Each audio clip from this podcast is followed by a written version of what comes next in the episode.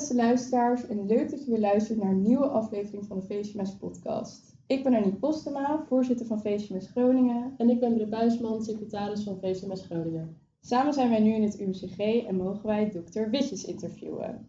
Dr. Witjes is kaakchirurg-oncoloog in het UMCG en medeoprichter van het 3D-lab Groningen. Dr. Witjes, welkom en leuk dat u deze podcast met ons wilt opnemen. Dank je. Uh, onze eerste vraag aan u is eigenlijk of u wat meer over uzelf kunt vertellen. Zo, mijn, uh, mijn beroep is kaakchirurg-oncoloog.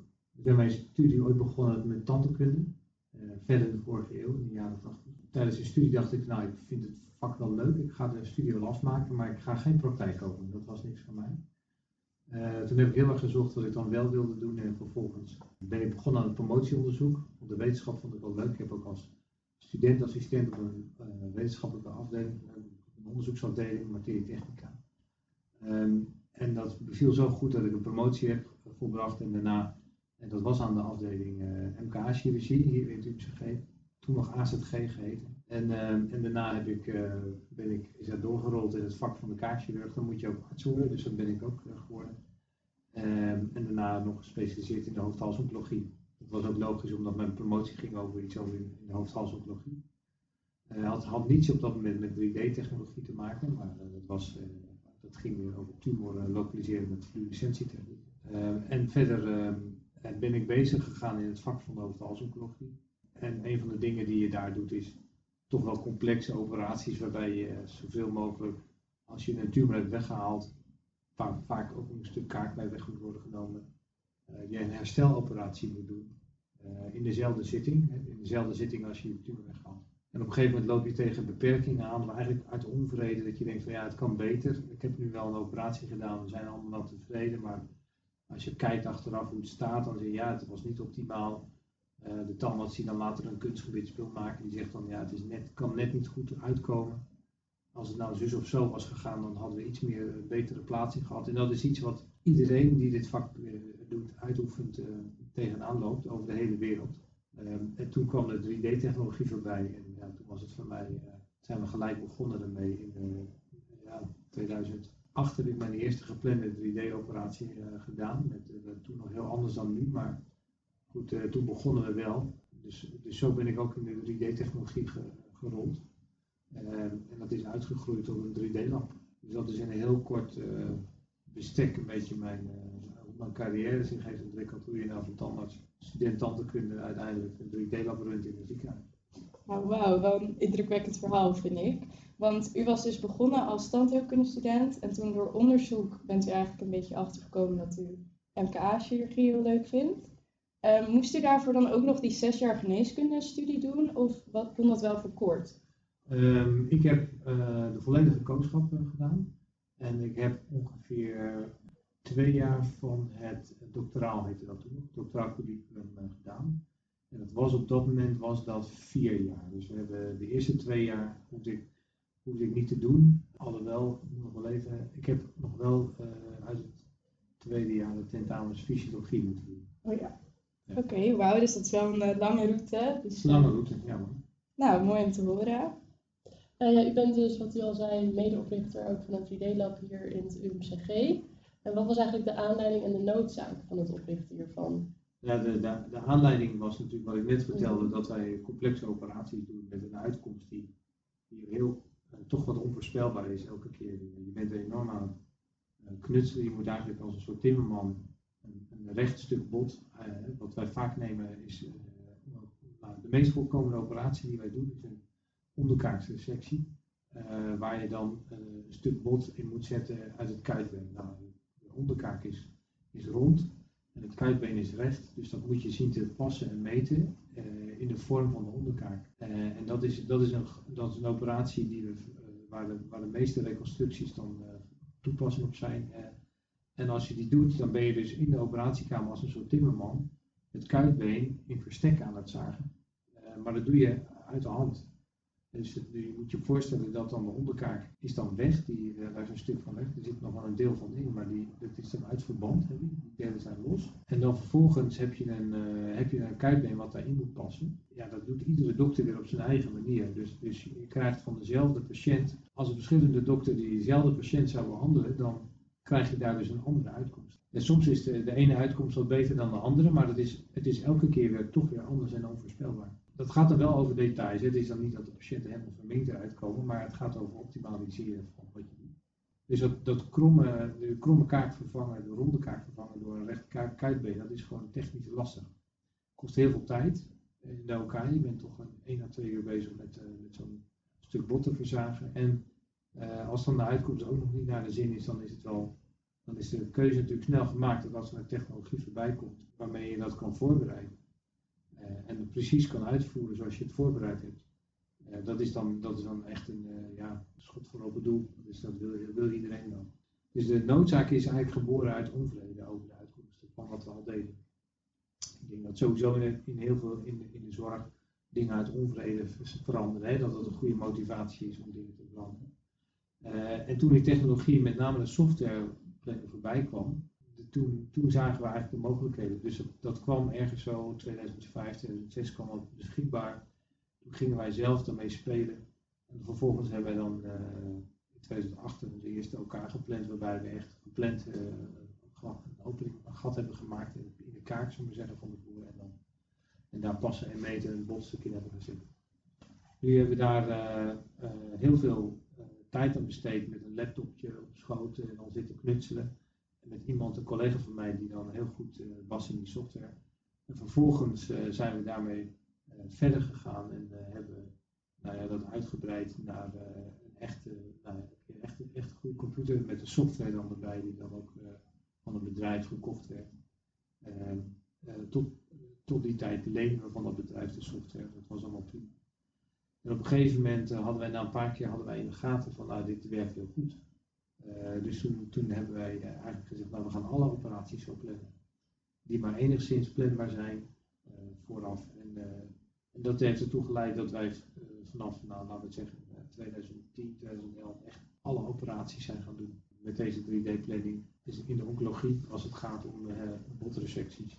Um, en dat is iets wat, wat we na een aantal jaren met val en opstaan natuurlijk hebben uitgeprobeerd. Wat direct opvalt is dat als je dit doet, dat je ontzettend voorspelbaar opereert.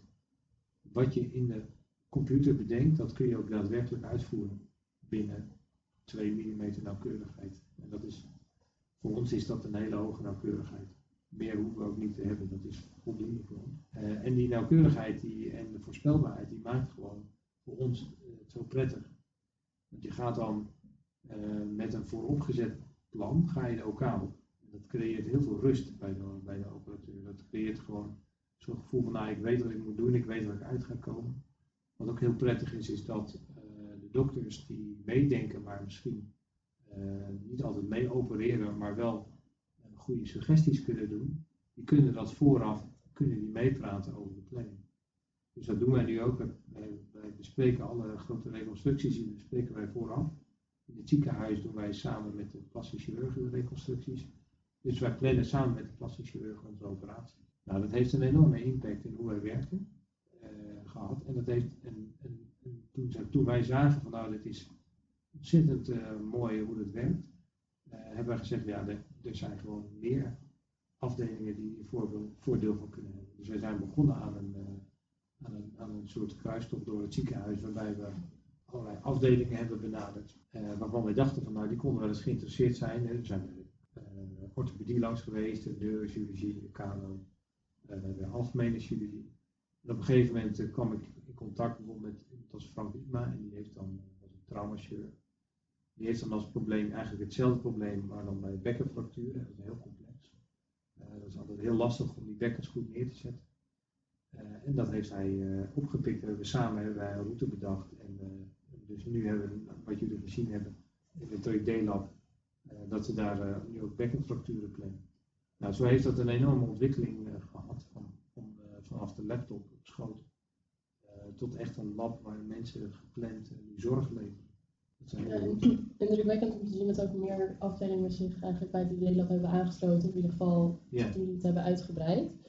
Um, en jullie voeren de techniek natuurlijk al een aantal jaren uit. Maar wat is eigenlijk wat jullie als team vooral hebben geleerd uh, gedurende de jaren? Um, ja, dat is wel heel belangrijk. Wat wij geleerd hebben is dat uh, dat nou, nou, is de algemeenheid. De, een operatie, we hebben ons adagium is uh, uh, in het Engels dan plan your operation and operate your plan. Hè, dus dat is, dat is wat we graag uitdragen. en dat is ook goed haalbaar. Alleen als je een slecht operatieplan hebt, dan wordt dat niet beter door het 3D uit te voeren. En met, met 3D bedoel ik dan dat je allerlei hulpstukken van tevoren maakt, waarmee je dan uh, bijvoorbeeld zaagsneden plant. Hè, dus dan kun je zaagmalletjes maken die je dan aanbrengt op het bot en dan kun je langs de zaagmalletjes kun je zagen. Die kun je fantastisch uitvoeren, dat kan allemaal heel precies uitgevoerd worden en die zaagsneden kunnen dus op een paar millimeter nauwkeurig gelegd worden. Maar als jouw keuze verkeerd is om die zaagsnede op die plek te doen, ja, dan, dan wordt je operatie nog steeds niet goed. Dus je moet natuurlijk nog altijd verstand hebben van wat je aan het doen bent. Een 3D-plan is, is niet uh, heiligmakend als je, als je, maar, uh, als je een slecht, slecht idee uitvoert. Dus dat is één. Dat, dat is, en dat is een heel belangrijk principe. Dus je moet echt verstand hebben van je vak, wil je dit gaan toepassen. Het tweede wat we geleerd hebben is dat uh, wij, wij maken gebruik van software en die hele technologie eromheen, die is voor een dokter eigenlijk, eigenlijk niet meer te behappen in de tijd. Bij de start van het 3D-lab had ik een uh, samenwerking met een collega van mij, Rutger Schepers, dus een kaakchirurg, inmiddels staflid ook bij ons. En die, uh, die deed dat in zijn promotieonderzoek en heel handig met die software. En op een gegeven moment hebben we heel veel dingen uitgezocht. Maar als je dit in je dagelijkse routine wil gebruiken, en ook als je het, als je kwalitatief een stap verder wil brengen, dan heb je daar toch engineers bij nodig. En wij maken dan graag gebruik van biomedical engineers, maar vooral van technisch geneeskundigen. Dat zijn mensen die opgeleid zijn aan de TU, TU in Twente en later zijn ze ook in Delft begonnen daarmee. Uh, en die mensen die hebben een soort, ja, ze, zijn weer geregistreerd geneeskundig. Ze mogen ook wel wat handelingen verrichten bij patiënten. Maar ze zijn vooral ook uh, deels engineers. en daarmee kunnen ze ook heel goed in die software en alle technische kanten. En je hebt dus gewoon, als dokter is het niet meer te doen, dus je moet het ook, als je het professioneel doet, moet je het ook uitbesteden aan technische mensen, aan engineers. En je moet je dus opleiden. Dus dat is ook heel belangrijk, dat je dus niet uh, denkt van nou, ik, ik, gooi, ik gooi bij iemand op zijn bureau en dan regelt hij het wel. Nee, dat betekent dat je afspraken maakt. We hebben dus ook fellowships ingericht. Dus we hebben nu in de kaartchirurgie hebben een fellowship. Uh, het eerste in Nederland voor technisch geneeskundigen hebben we hier uh, afgerond. Joep Kruijma, de samen, degene met wie ik samen het lab run uh, dagelijkse, dagelijkse bestondingen van het lab uh, doe. Uh, Joep heeft dat hier voor de MKA gedaan, dus die heeft daar een fellowship van twee jaar gedaan. Uh, er zijn nu twee andere technisch geneeskundigen bezig met een fellowship op de traumachirurgie, dus dat is dus heel langzaam begint dat vorm te krijgen en, en dat betekent dus dat die mensen verstand hebben van ons vak en dus ook dat kunnen vertalen uh, naar, naar wat wij nodig hebben op de elkaar. Dus ook problemen kunnen voorzien. Dat is ook heel erg nodig. Dus die kennis delen over en weer. Dat is heel belangrijk, want uiteindelijk is het bij ons zo geregeld dat de technisch geneeskundige, wij vragen aan hun, kun je deze operatie voorbereiden? En dan maken zij alvast een plan. En dan kunnen wij dan over discussiëren van nou het moet een beetje anders, een beetje meer zus of zo. Maar in principe maken zij al heel veel belangrijke keuzes voor ons. Uh, en dat betekent dus dat zij verstand hebben van wat je, wat je doet. En dat is dus heel goed. Dus zij komen ook op de operatiekamer. Ze zien ook wat de effecten zijn van de dingen die zij ontwerpen. Uh, en, en, en daarmee ontwikkel je dus ook strategie. Dus dat is ook heel belangrijk. Wat we ook geleerd hebben door de tijd heen, is dat je een systeem moet hebben als je het een lab noemt, dat je ook kwaliteit moet hebben. Dus we zijn nu heel erg bezig met het opzetten van een kwaliteitssysteem. Dus als je heel serieus dit soort dingen doet als lab, moet je dus ook een, uh, een uh, kwaliteitsmanagement systeem hebben. En we hebben dus een kwaliteitsmanager aangenomen. We, hebben een, we hebben een systeem in, in, oprichting, want we moeten ons houden aan de nieuwe wet. Hè. Er is sinds kort een wet ingegaan in de EU, de wet op medische hulpmiddelen. Daar moeten wij ons ook aan houden. dus wij zijn daar heel erg mee bezig. En dat kost nu meer tijd dan het ontwerpen voor mij althans. En dat, dat, is, dat hebben we ook geleerd door de tijd heen, dat je dat moet doen. Nou, verder uh, heb je uh, heel veel creatieve mensen nodig. Maar ik merk dat mensen die met de 3D-technologie bezig gaan, het is zo visueel. Dat het, appelleert heel, aan, heel snel bij mensen aan, aan allerlei ideeën. Dus mensen krijgen vaak ook zelf heel spontaan, ook kunnen we dit of dat of zus of zo niet proberen. En dat is heel geestig om te zien dat elke keer een dokter weer met een nieuw idee binnenkomt. Uh, maar die moet je ook wel weer kanaliseren. Het moet allemaal uitvoerbaar zijn. dus je moet veel, veel, veel, veel bediscussiëren over nieuwe ideeën. Dat is wel heel leuk. Ja, dus er zit veel samenwerking ook. Komt er echt heel veel bij kijken. Ja, alleen maar. Ja, de, de, de basis van, van zo'n lab is samenwerken tussen dokters en, en engineers. Ja. ja, nou mooi wel dat het van zo'n idee uiteindelijk uitgelopen is tot zo'n 3D-lab die echt nu in het ziekenhuis zit.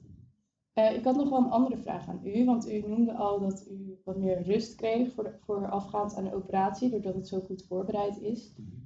Um, kunt u nog uw eerste patiënt herinneren uh, die u door middel van deze techniek heeft geopereerd? En bracht dat juist niet echt heel veel spanning met zich mee? Ja, dat was zeker heel spannend. Ja. Die kan ik nog heel goed herinneren. Dat was een dame uh, met, uh, ik zie haar nog steeds, want ze heeft het overleefd gelukkig.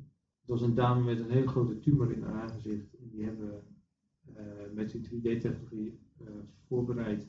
Dus een schedel geprint, de operatie gezaagd op de schedel helemaal uitgevoerd, uh, zodat het uh, precies konden nabootsen in elkaar. We hadden toegangswegen en, wat bedacht. Ook de het botstuk wat erin moest, hadden we op maat we geprint van het bekken en dat hadden we op maat voorgezaagd. Toen zeggen we dat het weer precies past. ja, dat kan ik me heel goed, ja, dat kan ik me heel goed herinneren en daar waren we heel nerveus voor. niet omdat die OK was ook lastig, wat was echt, uiteindelijk is is er boogkaart plus oog moest eruit. Uh, de tumor zat dicht tegen de schedelbasis aan, dus er moest ook heel veel weggehaald worden. Dus dat is al ingewikkeld. Dus daar ben je natuurlijk al een beetje mee bezig. En, uh, en dan moest ook nog goed hersteld worden. Dat is gelukkig goed gegaan allemaal. Uh, maar we hebben het wel voorbereid zodat we het altijd konden terugvallen op onze oude techniek. Dat is wat je in het begin doet. Dus je plant het, je probeert dan een plan te verzinnen en dan heb je een idee in je hoofd en dan probeer je het uit te voeren. Alleen dat plan verzinnen, dat doe je dan op twee manieren. Eentje met 3D-techniek. En als dat niet wil, dan doen we het op de oude manier. En daar zijn we op een gegeven moment zijn we daar toch een beetje mee opgehouden. Want gaandeweg na een aantal operaties zagen we wel dat dat, dat, dat uh, ja, op twee manieren tegenaan kijken was niet meer nodig. 3D-techniek is gewoon uh, goed. Het werkt gewoon. Ja, dus nu gebruikt ze eigenlijk alleen nog maar die 3D-technologie en bijna nooit meer of nooit meer de... Nee, oké. Ik vroeg me af hoe lang normaal gesproken de operaties duren en hoeveel tijd er wordt gewonnen met de 3D-technologie. nou, als ik even weer de onderkaakstresectie als, voor, als voorbeeld neem. Hè, de meeste patiënten die wij dan zien met zo'n onderkaakstresectie, die hebben een tumor, een kwaadaardige tumor in de mondholte. Vaak is dat een provincial De meeste mensen zijn rokers of, of uh, mensen die heel veel drinken. Uh, en, soms hebben er ook pechvogels bij zitten. Dat is ongeveer uh, 80, 20 procent denk ik. 80 procent rokers. En de mensen die dan zo'n tumor in de kaak krijgen, in de tandvlees krijgen, waarbij we dan een stuk kaak moeten wegnemen om het eruit te halen.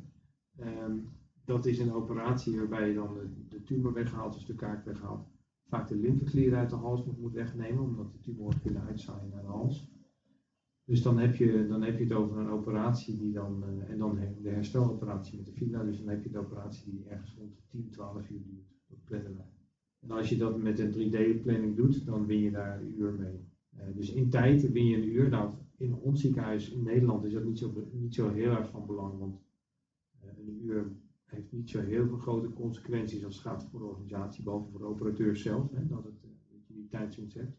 er zijn ziekenhuizen in de wereld waar ze per uur moeten betalen voor de elkaar-huur. En daar heb je dus dat een uur dus heel veel uitmaakt. In Amerika is het zo. Daar kost een, uh, uur soms, uh, nou ik had laatst een collega uit Texas die vertelde mij dat ze 96 dollar per minuut moeten betalen op de elkaar. Dus dat, is, uh, dat zijn enorme bedragen voor de land. Dus voor dat soort landen is dat wel heel erg relevant, die tijdwinst. Voor ons is het belangrijk dat de operateurs de rust hebben, dat ze weten wat het einddoel is en dat iedereen ook naar het einddoel toewerkt. Dat is eigenlijk de belangrijkste uitkomst. Maar er is wel tijdswinst in ieder geval. En worden in landen als Amerika dan ook al deze techniek toegepast? Ja. ja. Oké, dus dat scheelt daar wel. Ja, dus daar is de financierbaarheid van dit soort techniek in een heel andere orde. Dus uh, elke uur is gewoon, uh, levert gewoon direct geld op. Ja, oké. Dat is wel weer een andere blik op uh, zulke soort dingen, want daar denk je nu in Nederland niet zo snel over na. En u vertelde dus dat de operatie een uur korter uh, duurt, maar de voorbereidingstijd neemt wel toe. Ja. Hoe zit het met de kosteffectiviteit? Zo, als je kijkt naar uh, naar de planning. Ik denk dat een planning van een onderkaaksresectie een aantal uren kost.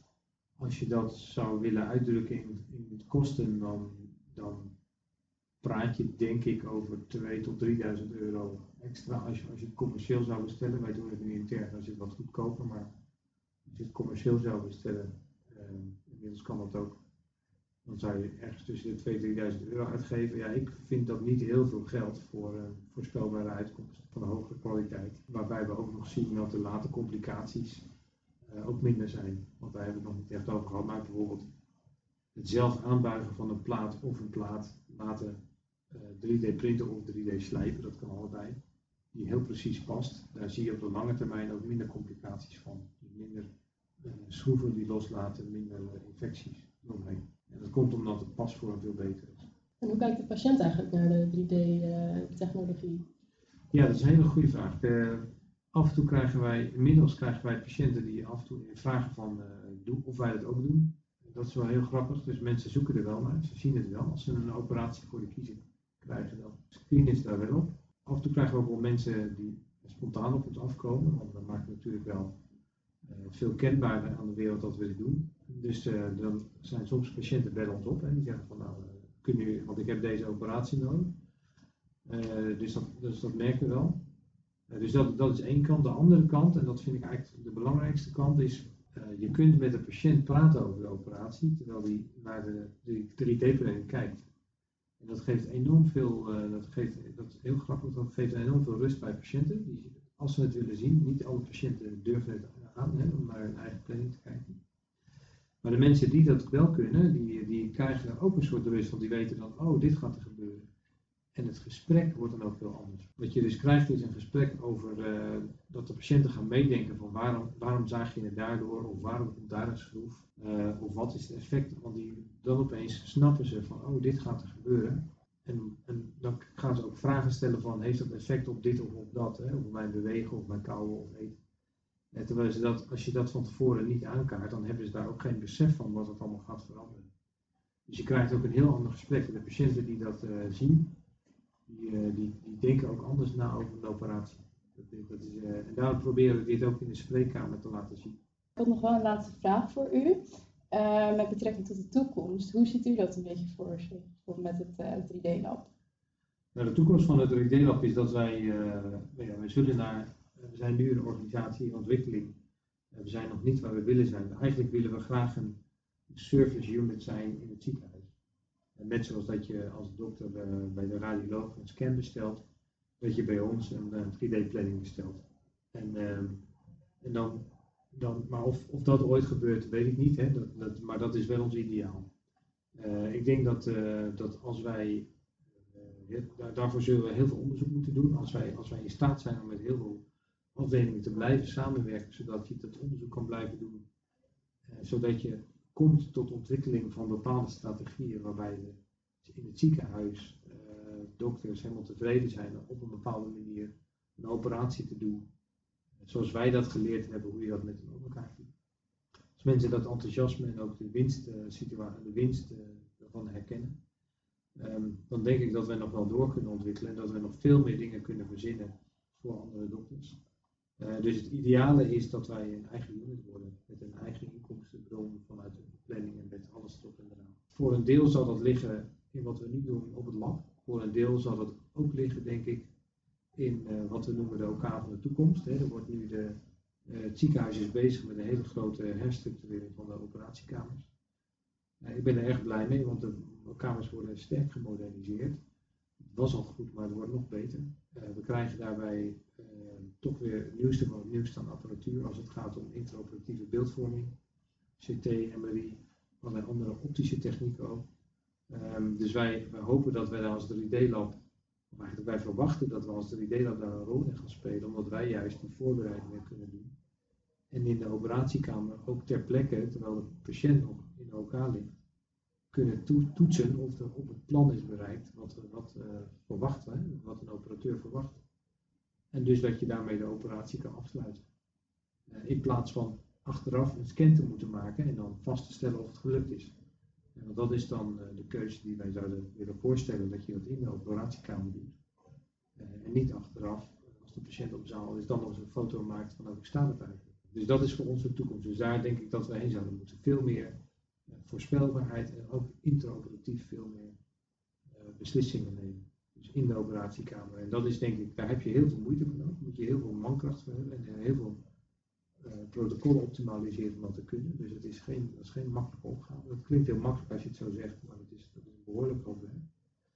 Maar als je mij vraagt, waar gaan we heen? Naar, naar, naar zo'n soort inspanning. Dus in de komende 5 tot 10 jaar denk ik dat je dat zult zien in Nederland. Nou, we zijn benieuwd. Het is in ieder geval mooi streven.